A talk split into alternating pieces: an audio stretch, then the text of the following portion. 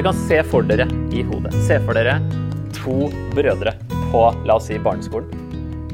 Eh, som ganske like i alder, og som eh, ikke er sånn veldig gode venner, egentlig.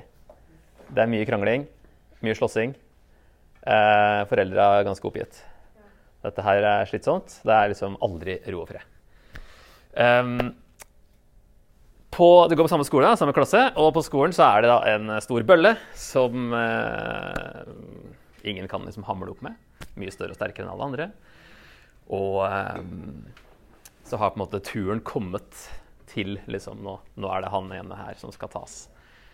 Og så eh, forventer vi jo da at da vil jo han broren i hvert fall ta parti med sin egen bror mot denne store bølla. Men så gjør han ikke det. Han slår seg sammen med denne store bølla. Og Ja! og, han, og han fryder seg over sjansen til å banke sin egen bror. Og syns at yes, nå fikk vi hjelp til det. Og han utnytter denne situasjonen her og blir liksom på lag med de, de tøffe gutta. Så det er på en måte forholdet mellom Israel og Edom. sånn at Edom er den som slår seg sammen, fordi boka her handler jo om altså dom over Edom for svik mot sin bror Israel. Så for ikke å røpe det før historien, så kommer den linja nå etterpå. Det store bøllet er Babylon. For det her har vært eh, kniving helt siden altså Hvem er liksom stamfedrene til Israel og Edom? Esau og Israel. Eh, Israel. Så hvis vi, altså Esau og Jakob Hvis vi tar en liten uh, kjapp rundown av uh, denne kranglinga, så starter det jo med at uh, Jakob lurer Esau, sant? og det vi leser om i 1. Mosebok 25-27. Og Esau legger Jakob for hat, og han må flykte. De blir jo gjenforent. sant? Det ender jo på en måte godt i den historien, men det her er på en måte begynnelsen av familiefeider som, som bare holder på utover hele historien. Eh, vi ser i 4. Mosebok 20 at edomittene lot ikke Israel dra gjennom landet deres når de er på vei til eh, det lovede land. Kommer liksom til sitt brødrefolk, og de sier nei, her får du ikke dra gjennom. Hadde kanskje forventa at det skulle gå greit. Vi skal ikke ta noen ting, vi skal ikke bo her, vi skal bare gå gjennom. Nei, får dere ikke lov til. Så der er det eh, fortsatt stridigheter. Så ser vi at Saul angriper og vinner over Edom. Eh, David eh, legger det helt under seg, og det blir på en måte en del av, eh, av riket hans. Under Joram på 800-tallet så løsrev de seg fra Juda. Og så er det kong Amasha på 700-tallet som tar Edom tilbake. Og han tar også inn til hovedstaden, som heter Sela. Eller i hvert fall en viktig by, da.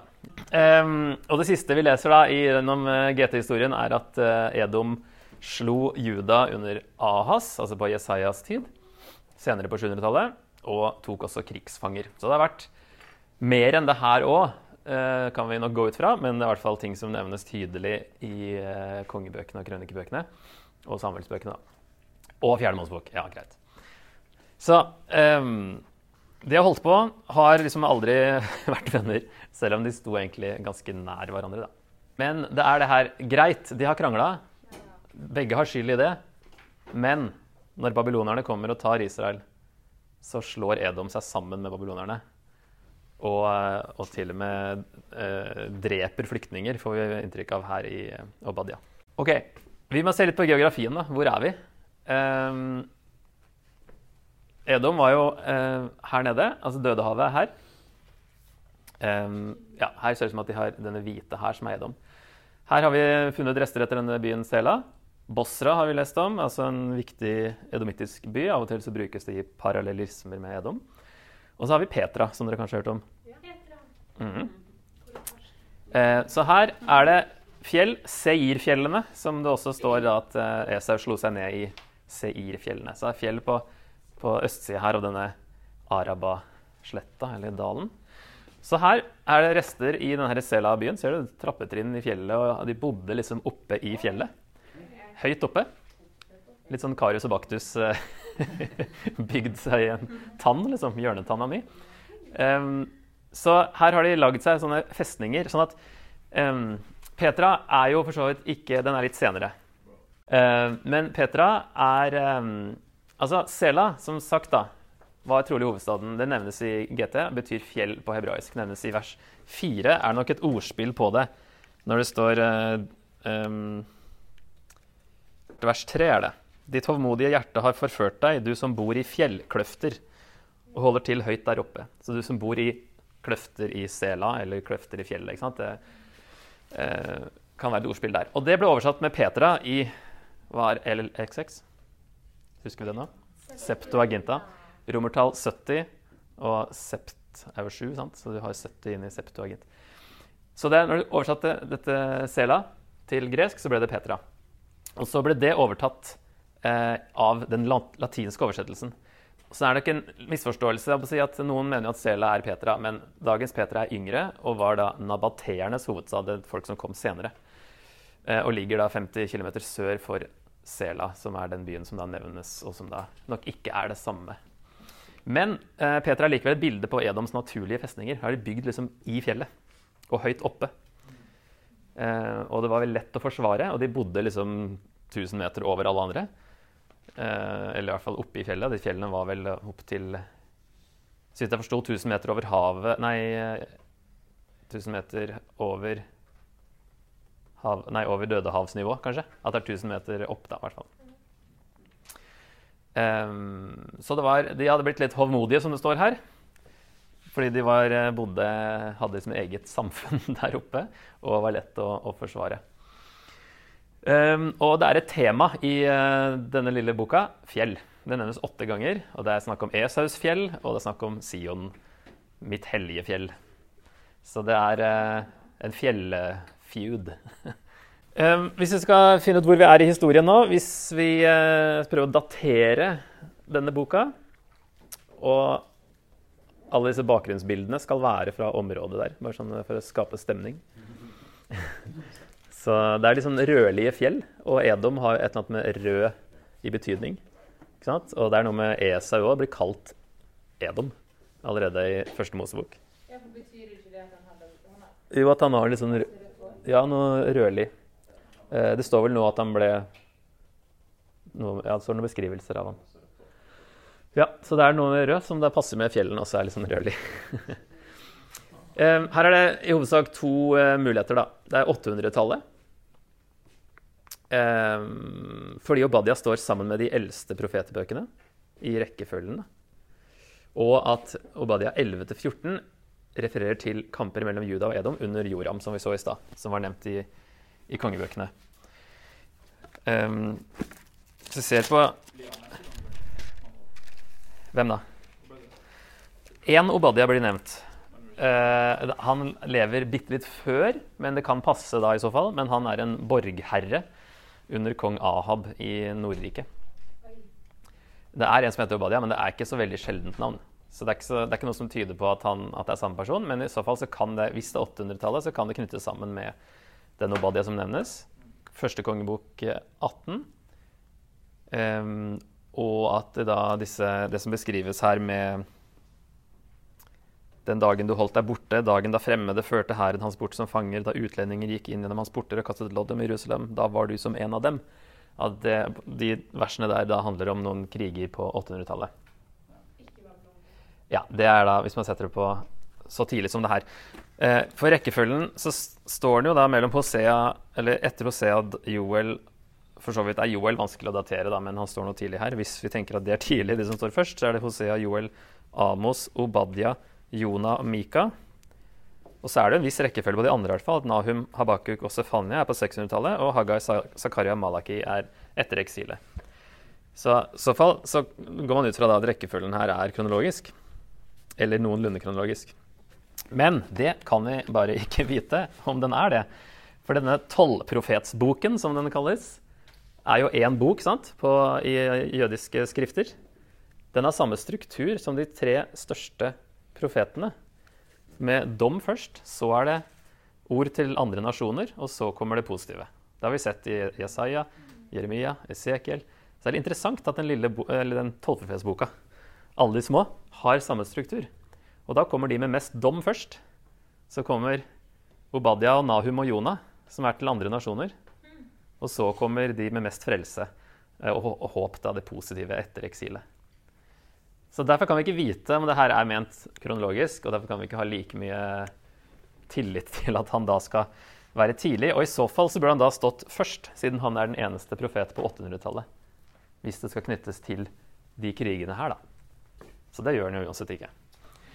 Og hvis han skal stå på 700-tallet, som de andre profetene da, i området rundt si, i, i, Bibelen, så er det vanskelig å finne hendelser som passer med de versene. Så det er mindretallssynet, det her, da. Men det, det er eh, kanskje ja, Jeg vet ikke om det knyttes sammen med at han, eh, han som faktisk heter Obadia i kongebøkene. Men det er i hvert fall ikke langt unna, da, hvis man uansett er på 800-tallet. Mest vanlig er 500-tallet, og at det er Babylon da, som eh, 586.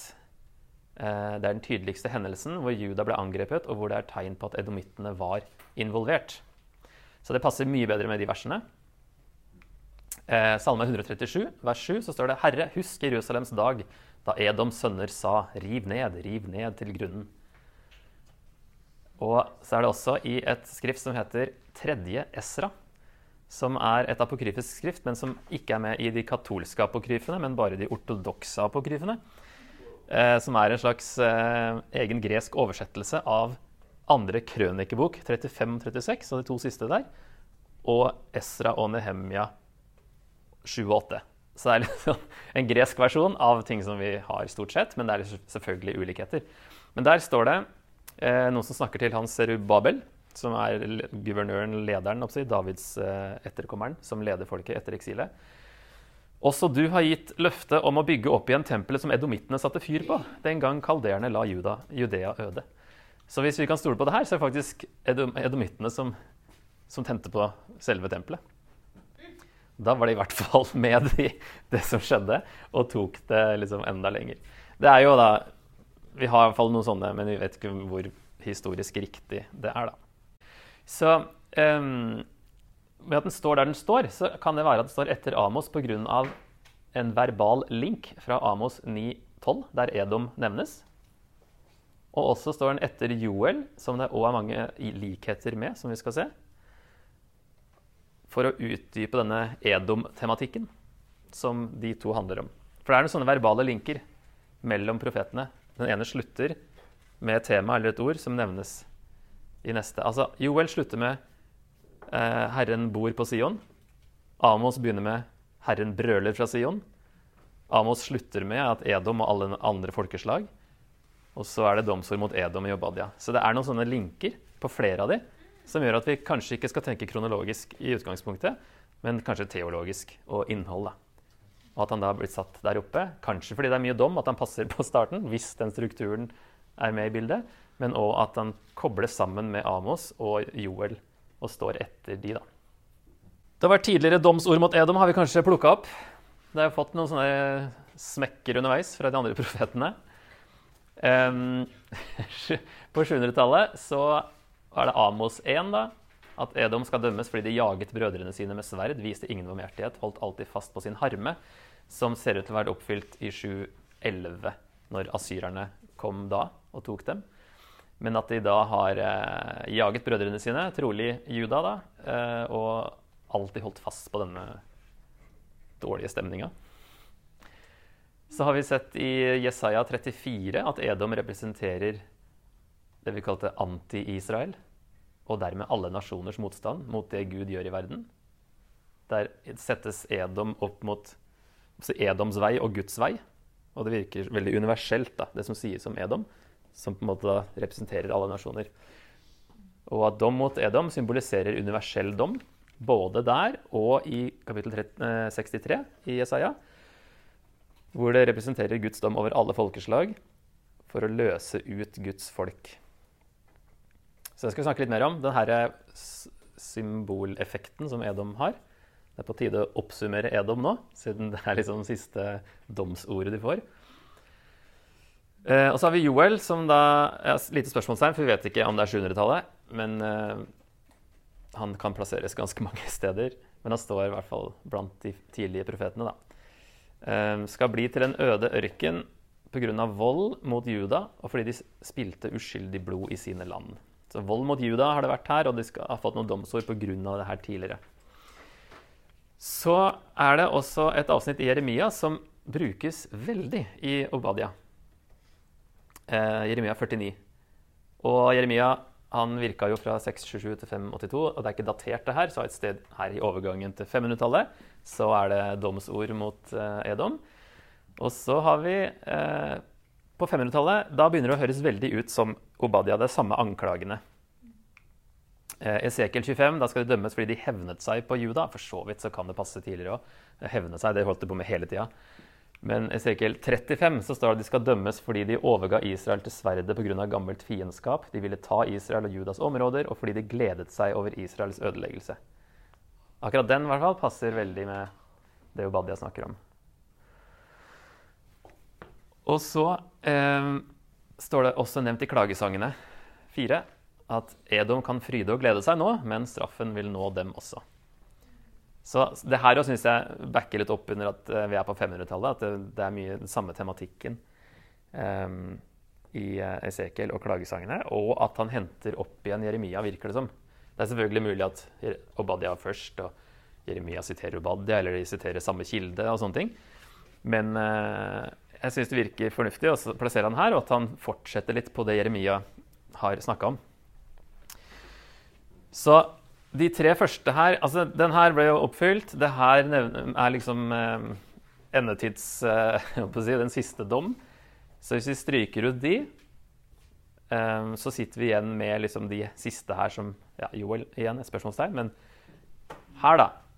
Det her er det som nå gjenstår, på en måte, og at det virker som det har skjedd en ny hendelse nå med eh, ødeleggelsen av Jerusalem. Litt eh, fargekoding eh, for å se på sammen, eh, sam, sammenhengen her. Ja. Sånn.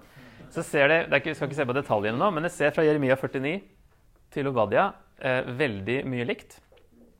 Og Obadia starter med å si så sier Herren Gud om Edom. Et budskap har vi hørt fra Herren. En budbærer, budbærer er sendt til folkeslagene. Opp, vi går til krig mot Edom. Og her står det et budskap har jeg hørt fra Herren. En budbærer er sendt til folkeslagene. Samle dere og gå mot byen, reis dere til krig. En som har bytta om til vi. Eh, kanskje han har liksom, Vi har hørt det her av Jeremia. Det er ikke oppfylt ennå. Nå kommer det mer som utdyper Jeremia 49. Eh, krig mot Edom kommer. Um, se, gjør deg liten blant folkene, dypt foraktet skal du være. Eh, det finner vi her nede. Eh, Håmodig hjerte har forført deg, du som bor i fjellkløfter, hold til på Ja, det var blått først, ja. Se, jeg gjør deg liten blant folkene, foraktet blant menneskene. Helt likt. Ditt tålmodige hjerte har forført deg, du som bor i fjellkløfter, holder til høyt der oppe. Det er nesten helt likt. Du sier i ditt hjerte, hvem kan styrte deg til jorden? Om du stiger høyt som ørnen, om du legger reiret ditt blant stjerner, skal jeg styrte deg ned derfra, sier Herren. De bodde høyt oppe. Eh, Men Gud sier det er ikke noe hindring. Dere er ikke trygge, selv om dere tror det. Og så, om tyver kom til deg, eller drueplukkere kom, så ville de ikke ta alt. Men nå skal alt tas. Ikke sant? Esau blir gjennomsøkt, hans skjulte skatter letes opp. Alle de var i pakt med eller hadde fred med, de sviker dem. Sviker dem, akkurat som de har sveket andre. Og det finnes ikke forstand i ham. Den dagen, sier Herren, skal jeg utslette de vise i Edom og klokskapen på Esaus fjell. De hadde visst også litt sånn rykte på seg for visdoms, uh, visdomsfolk. Uh, en av de her vennene til Jobb som kommer og liksom representerer det beste av verdens visdom, han er fra Teman, som er i Edom. Da. Og så er det dette drikke på mitt hellige fjell. Det kommer òg her i Jeremia 49. Så tydelig at her er det en sammenheng. Vanskelig å vite helt uh, hvordan, men jeg tenker vi kan Jeg tenker i hvert fall at Obadia spinner videre da, på Jeremia, henter opp igjen og fortsetter på det domsordet med litt mer info. Så ehm, Ja. Folkeslagene skal gå til krig mot Edom og oppfylle de siste profetordene mot dem. De som nå ennå ikke var blitt oppfylt, da, som vi så på 500-tallet. Og så er det noen sånne reverseringer som skjer. Den første ser vi i vers 4 her, at det skal fra høyt til lavt. Om du stiger høyt som ørnen, om du legger reiret ditt blant stjerner, skal jeg styrte deg ned derfra. Og Det er liksom det temaet med at de stolte vil bli ydmyket. Og så er det en nummer to at de vil bli sveket da, av sine allierte, slik de selv har sveket Juda. Selv om han har ikke kommet til det ennå, at det er eh, domsgrunnlaget, men det kommer i neste vers 9 og 10 og 11. Så de to første her, altså gjengjeldelsen, da, skal skje på en måte sånn som de har At det blir fortjent. Så eh, hvis vi ser på hvorfor de skal dømmes i vers 9 og 10 Det er også litt en rar inndeling her, eh, kanskje. For de tar med bare siste setningen av vers 9 pga. drap. Og så begynner vers 10. så det er litt akkurat her på norsk litt rart. Pga. drap og vold mot din bror Jakob skal du dekkes av skam. Du skal utryddes for alltid. Så drap og vold mot sin bror Jakob sies tydelig her. Det er grunnen. Den dagen du holdt deg borte, dagen da fremmede førte hæren hans bort som fanger, da utlendinger gikk inn gjennom hans porter og kastet lodd om Jerusalem, da var du som en av dem. Og så kommer det da eh, i neste versene en videre beskrivelse på hva de tydeligvis har gjort. Og når det står her bror Jakob og ikke bror Juda, så er det kanskje da at det er hele Israel, og det henviser kanskje tilbake på alt tidligere fiendskap. Eh, ikke bare mot Juda i 586, men det har liksom toppa det. da. Kan være. Ellers er det at man bruker Israel om Juda òg, men det kan være at det, det, har jo holdt på en stund, det her, så det kan være eh, gå lenger tilbake i tid. Og så fra nå utover nå, Til nå har det vært mye Jeremia, og nå blir det en del Joel, som, som eh, vi kan se ikke like tydelige paralleller. Det er ikke tvil om at det er en sammenheng med Jeremia. Det her er mer sånn ord som mange profeter kan si, på en måte. Men uh, vi finner det som vi leste i stad, i OL 3.24, at Edom skal bli til en øde ørken pga. voldsverket mot judeerne. Uh, det står vold her òg, i hvert fall på norsk. da. Drap og vold mot din bror Jakob. Der står det judeerne, for så vidt, og ikke Jakob. Men det er jo på en måte synonymer. Herrens dag er nær over alle folkeslag. Det står både i 1.15 og i 2.1 i Joel. Det er så bra her. Å, for en dag! ja, nær er Herrens dag. For en fin dag. eh, slik du har gjort, skal det gjøres mot deg. Dine gjerninger kommer tilbake over ditt eget hode. Det finner vi. Men på Sionfjellet skal det finnes redning. Det skal være hellig. Det òg finner vi i Joel 3. Så det er noen linker til Joel. Det er ikke så dumt at han står etter Joel da, i så fall.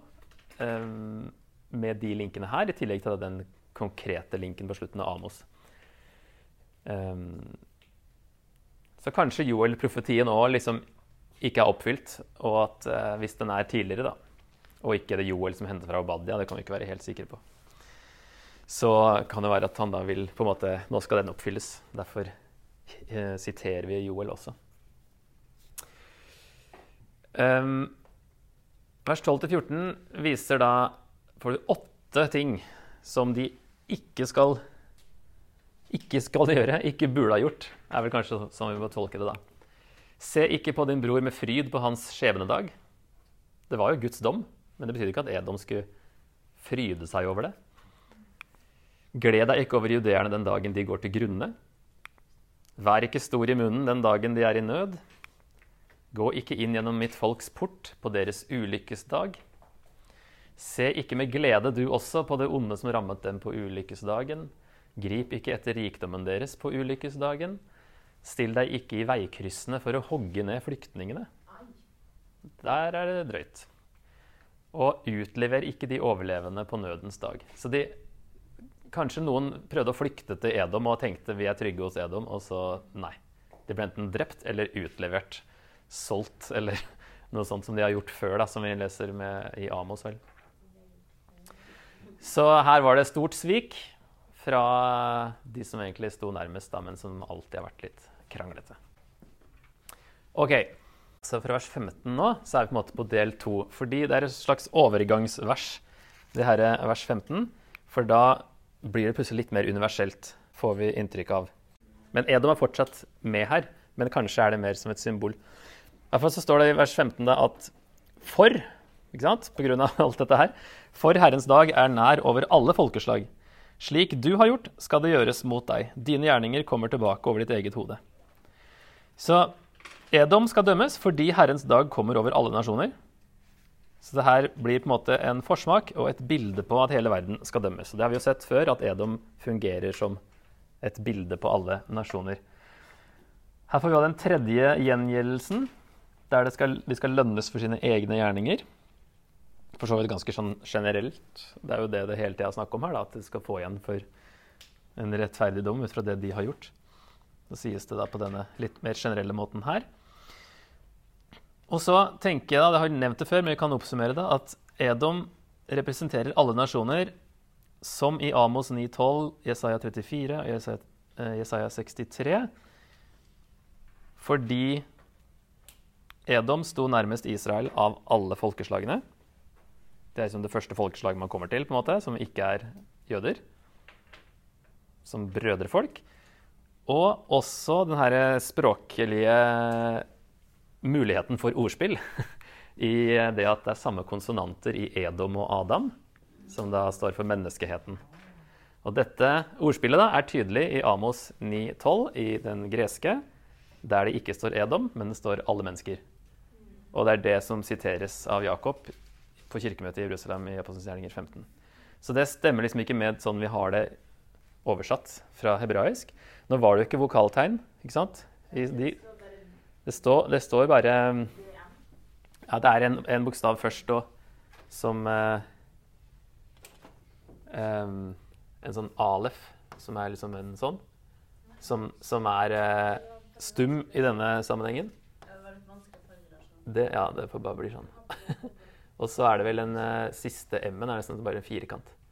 Så den har ikke noe lyd. DM. Ja. Så da kan skrives helt likt. Og så har man da tolka en av de som Edom en annen som Adam når man har satt til vokaltegn. Men uh, du ser en variant, i hvert fall fra den greske. At uh, det er uh, Det kunne vært den andre. Og derfor tenker jeg den symboleffekten nå er ikke, Det er ikke feil, på en måte, da, når det blir sånn. Det er at det ligger noe mer, for de ser at Edom brukes som noe mer enn bare seg sjøl.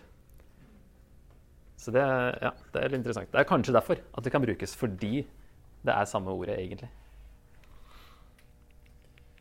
Ok, Så eh, før vi liksom ser på slutten her, som kan være litt vrien, så tar vi en liten sånn eh, historisk eh, framblikk si, fra 500-tallet. Hva skjedde med Edom? Ja. Ja.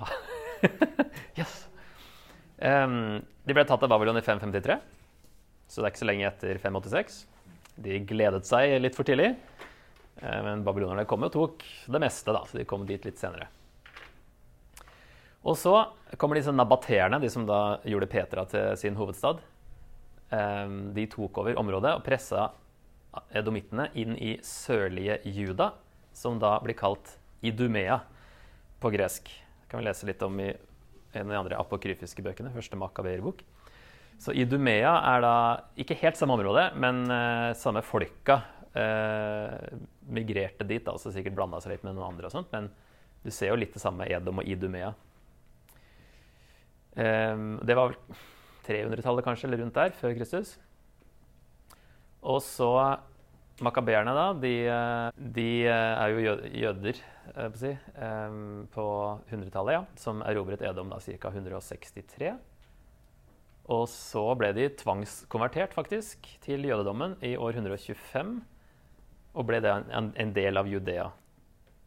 Etter at de hadde liksom flytta seg uansett inn i Judea, så ble de da tvangsomskjært. Tvangskonvertert. Hva sier du? Ja, det var både omskjærelse og Ja, det var vel stort sett det, det som var liksom det synlige. da. Og så kunne du ikke tvinge alle til å holde loven.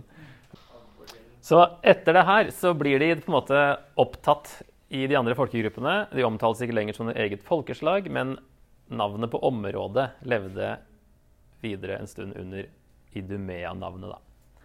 Så de forsvinner litt etterpå. Hovedpoenget kanskje for Obadi her er at eh, babylonerne kom ikke så mange år etterpå. Eh, Men at de, de, det snakkes på slutten her om at det, det ikke en eneste edomitt skal være igjen. og det høres ut som da de skal ikke overleve i det hele tatt. Så på en måte så ble jo det da oppfylt med at folket ikke eh, var noe mer da, etter en liten stund etter det, eller noen hundre år etter dette her. Ok, så da har vi litt her for å se litt på slutten, eh, siste minuttene.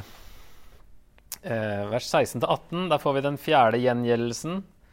At Jakobs hus skal drive ut dem som drev dem ut. I vers 17 var det der, for så vidt.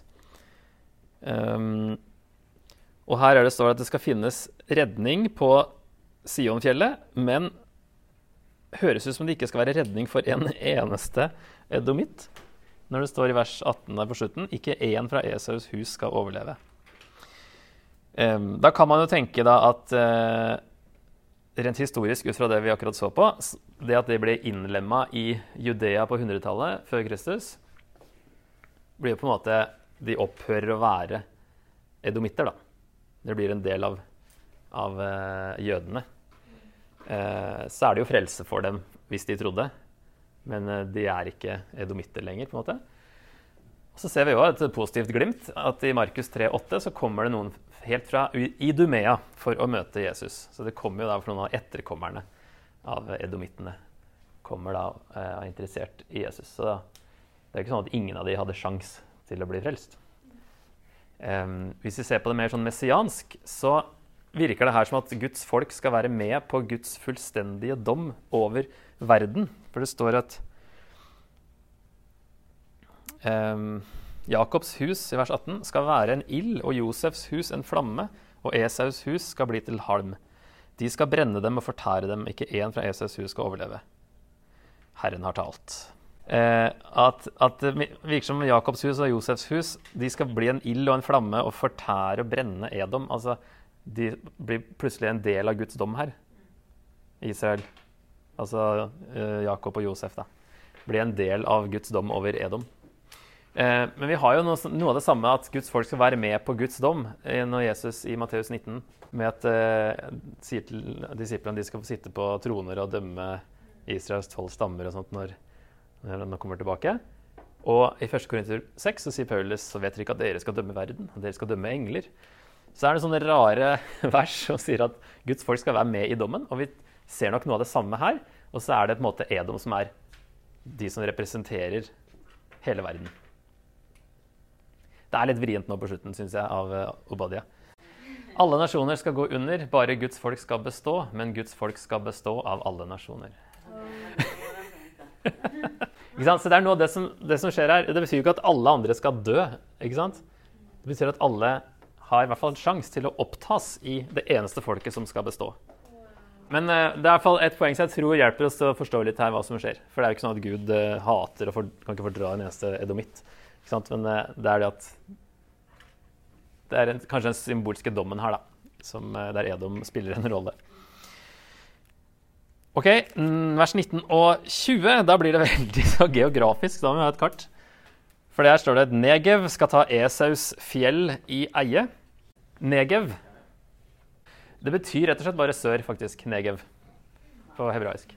Så det er judaørkenen vest for Edom. ikke sant? Her er Edom. Her er Negev. Så står det at Negev skal ta Esaus fjell i eie. De skal liksom bare utvide seg østover. Ganske naturlig. Det er liksom nærmeste området her. Og så står det at eh, lavlandet skal ta filisterne, filisternes land. De skal ta Efraims land og Samarias land. Og Benjamin skal ta Gilead i eie. Sånn at eh, lavlandet det er vestover fra Jerusalem, i hvert fall. Det området her, der det går ned fra fjellet mot eh, filisterbyene. Så de skal utvide seg vestover. Og så har vi, De skal også utvide seg nordover, ta det tidligere Nordriket, Efraim og Samaria. Ja, det er et kart, som for så vidt er fra det delte riket, ja. Um, og så Gilead. Her står det Gilead. Det er liksom et område her, så vidt jeg forstår. sånn at Benjamin, som var her cirka, de skulle liksom utvide seg østover. Um, sånn at her er det egentlig at de skal utvide seg i alle retninger. Det skjedde for så vidt på 100-tallet. De makabeerne og utover så fikk de kontroll over de områdene her. Så det er en viss historisk oppfyllelse av det. Og så står det videre at Denne hæren av israelitter i eksil skal ta det som tilhørte kananeerne, helt til Sarepta, og de fra Jerusalem som er i eksil i Sefarad, skal ta byene i Negev. Her kan man dette fullstendig av, og det eh, tar litt tid å på en måte, forstå hva som, hva som, sies her. Så jeg tror vi kan observere ned at eh, det han sier i vers 20 her, at israelitter i eksil etter 722, altså etter at Nordriket ble tatt, og judeere i eksil etter 586, skal komme tilbake og få igjen områdene sine. Det er egentlig basically det han sier. Og de som er i Sefarad eh, Det er mange eller mange forskjellige steder man tenker dette kan være. Mm, de fleste tenker det er Saparda i media, som altså da er vi borte i Babylon-området. Hvert fall. Og at det kanskje var mange av de var plassert i den byen, hvis det er ment bokstavelig, da. Så de skal komme tilbake, få igjen landområdene, og de skal, det skal skje en sånn geografisk eh, expansion her, da. Så betydningen, oppsummeringen av det her, er at hele Israel vil bli gjenoppretta og utvide grensene. Og for oss som ikke vet hvor Negev og Gilead og Saparda er, så blir det veldig uforståelig. Så vi kan oppsummere det med at de skal bli gjenoppretta, forent og større. Tilbake til storhetstida. Da skal, ikke, da skal Edom bli innlemma i det. på en måte. Og det, det skjer jo, ikke sant? Som vi, som vi, som vi så på 100-tallet, så skjer det jo Sånn at eh, det er en konkret oppfyllelse der. Men skal vi tolke det historisk når Nordriket aldri kom tilbake? Og f.eks. Amos 9, 11 og 12, der det står om Edom og eh, Der vi får inntrykk av at det er ment veldig historisk, så tolkes det likevel messiansk i Apostelens gjerninger 15. Og er ikke budskapet også blitt mer universelt fra vers 15? Ja, for det er plutselig tilbake sånn veldig konkret. For det her skjedde jo aldri. Og det er jo sånne hint, da. Hva, hvordan skal vi tolke det da? Og da tror jeg at vers 21 eh, Da er vi liksom på Messias, føler jeg. Eh, som hjelper oss kanskje til å se at ja, det er universelt, og det gjelder den siste dom, og det gjelder eh, Guds eh, litt, sånn, litt sånn abstrakte teologiske konsepter som Sionfjellet, og der er frelsen, og det skal dømmes derfra, på en måte. Eh, vers 21. Av de som er fridd ut, skal gå opp på Sionfjellet og dømme Esaus fjell. Og riket skal tilhøre Herren. Da, det, da, ser vi så langt fram at det har blitt sånn som si, Guds plan dit den går mot. Da. Nå, hvis vi sjekker andre oversettelser, så kan de som er fridd ut, de oversettes også med utfriere eller redningsmenn. Um, kanskje mest det, egentlig. Når jeg sjekker engelske òg, så er det mest aktive. Sånn at hvis vi nå skal tolke det, begge to, si, at, så, så, er det at vi kan kanskje si at Guds utfridde folk går opp på Herrens tempelberg, som i Isaiah 2 er veldig messiansk, og som utfrir andre, kanskje. Er det noe misjonsbilde inni her? Litt sånn uh, mellom linjene. Utfrierne går opp på Herrens fjell. Det er flere utfriere. Det er ikke bare Jesus, liksom. Men det er flere frelsere, på en måte. Som at vi blir en del av både å få evangeliet ut og eh, i den dommen som skal skje. Det er eh, kryptisk og veldig lite. Det er bare et vers, liksom. Um, men utfri og dømme står jo sammen her. Og det er jo, som jeg har sett flere ganger i profetene, at frelse og dom er to sider av samme sak. Herrens dag kommer, så spørs det på deg hvilken side du står på, om det blir til frelse eller til dom. Så her får vi det samme bildet sammen. Men det endelige målet er at riket skal tilhøre Herren. Og vi vet jo at Guds rike kom for alvor da Jesus kom. Og disse fysiske landområdene peker fram mot at hele jorda en dag skal tilhøre Gud, tenker jeg. Det er henta fra min egen nettside, men jeg syns det var bra sagt. For jeg liksom, Hva har jeg tenkt her før? Og det var, ja, men det der ga jo mening. Og så finner vi noe av det samme i Åpenbaringen 11, vers 15. Herredømmet i verden tilhører nå vår Herre og Hans salvede, og han skal være konge i all evighet. Det er jo når Jesus kommer tilbake. At nå tilhører herredømmet i verden vår Herre og Hans salvede. Han skal være konge i all evighet. Egentlig det samme som at riket skal tilhøre Herren. Så da tenker jeg vi kan si at vi står liksom, vi ser i hvert fall mot slutten, og at vi kan tenke Jesus. da. Jeg ser at tida er over, så én side igjen her. Eh, Obadia, Jesus og oss. Denne feiden mellom Israel og Edom eh, ble på en måte oppfylt med Jesus mot Herodes. Fordi Herodes var fra Idumea. Både Herodes den store, som prøvde å drepe Jesus som liten, og Herodes Antipas, som var med på å få han eh, korsfesta. Så her har liksom brødrene fortsatt står imot Jesus, som eh, på en måte er oppfyllelsen og personifisering av Israel. Og som, Herodes i hvert fall eh, halvt edomitt, Herodes store. Eller idumitt, må jeg si, idumea. Men han hadde noen røtter fra Edom, i hvert fall. Eh, sånn at det er på en måte en siste klinsj mellom Israel og Edom i Jesus og Herodes. Og Jesus har jo eh, også blitt sveket kraftig utover det òg. Hvis du googler 'History's Worst Traders', så er Judas på førsteplass. Et poeng, da. Hovedtema. Guds fiender, representert ved Edom, stopper aldri å angripe og svike Guds folk. Obadia minner oss på at Gud ser det, han har kontroll, og han vil dømme det. Han er på tronen, og riket skal tilhøre Herren. Eh, Det er en tidløs sannhet, og vi ser den egentlig eh, noe av det samme i 2. Tessaloniker 1, hvis vi tar et lite hopp dit. Så skriver Paulus at eh, for dette er rettferdig i Guds øyne. Når noen volder dere trengsler, skal han gjengjelde med trengsler. Og dere som møter trengsler, skal han gi lindring sammen med oss. Slik blir det når Herren Jesus åpenbarer seg fra himmelen sammen med sine mektige engler i flammende ild og straffer dem som ikke kjenner Gud, og dem som ikke er lydige mot vår Herre Jesu evangelium. Så her eh, Noen volder dere trengsler, skal han gjengjelde med trengsler. Ikke sant? Eh, det samme temaet. Og dere som møter trengsler, skal han gi lindring. Ikke sant? Han ser, han bryr seg, han vet hva som skjer, og vi ser også det i eh, det at vi er hans kropp nå. ikke sant? Han bryr seg jo om hva som skjer med ham på en måte nå, med hans kropp. Ser det veldig tydelig når han møter Paulus i Apostelens gjerninger 9. Og eh, han sier, 'Saul, Saul, hvorfor forfølger du meg?' Og så sier jo Paulus, 'Hvem er du, Herre?' Så sier Jesus, 'Jeg er Jesus, han som du forfølger'. Paulus eh, tenkte han forfulgte de kristne. Jesus sier, eh, 'Nei, du forfølger faktisk meg. Det er min kropp du forfølger'. Så det er på en måte en nytestamentlig forlengelse av temaet i, i Obadia, tenker jeg. At eh, det blir alltid svik og angrep, men Gud bryr seg. Vi er, vi er viktige for Gud, og han eh, vil dømme, han vil eh, gjengjelde og frelse. Gi lindring. Han gir også, møter oss da, med det vi kan trenge i disse vanskelighetene.